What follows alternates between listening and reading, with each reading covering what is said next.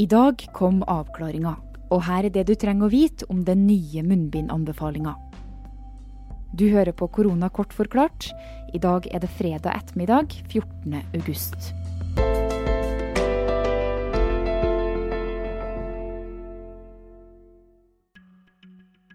På mandag blir det trangere på bussen, på banen og på togene. Fra mandag av må du ha på munnbind hvis du skal ta en full buss i Oslo eller Indre Østfold. Rådet gjelder i 14 dager fra mandag.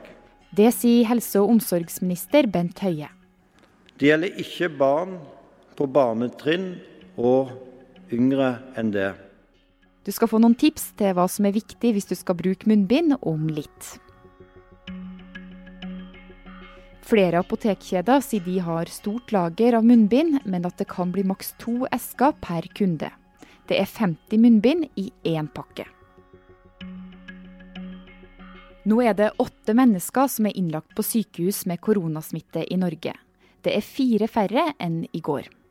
Folkehelseinstituttet sier i en ny rapport at det foreløpig ikke tyder på at vi har en nasjonal smitteoppblomstring, selv om det enkelte steder er en økning.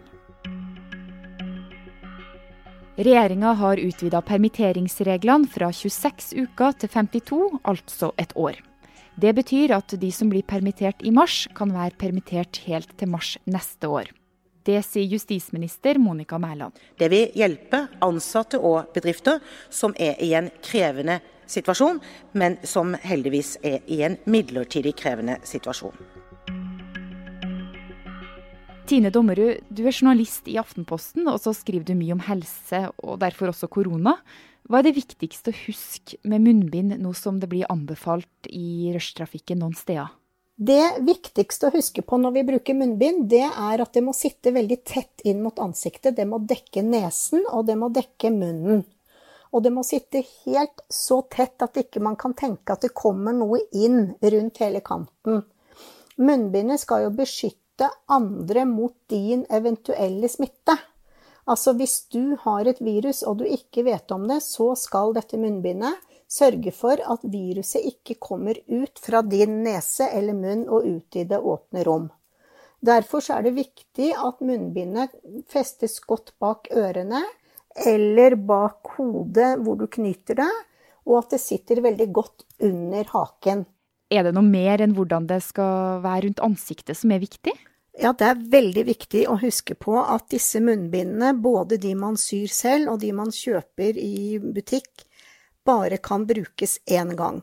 Det vil si at hvis du er på banen eller tar annen kollektivtransport f.eks., og du går av, og du tar av munnbindet, så skal det munnbindet kastes i en søppelkasse.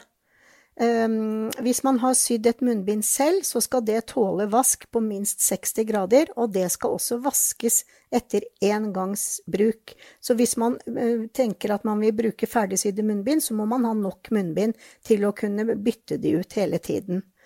Grunnen til at dette er såpass strengt, det er jo det at du kan tenke deg at hvis dette viruset er på en måte fanget inn i din egen maske, da, og du tar fingeren inn og får viruset på fingeren, så vil jo det smitte. Det er infisert, vil man si, så derfor er det veldig viktig at man forholder seg til disse reglene.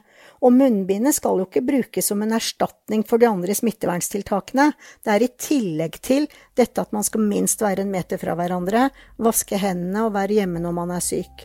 Men noen ganger er det vanskelig å være en meter fra hverandre, og da kommer munnbindet som et krav i tillegg.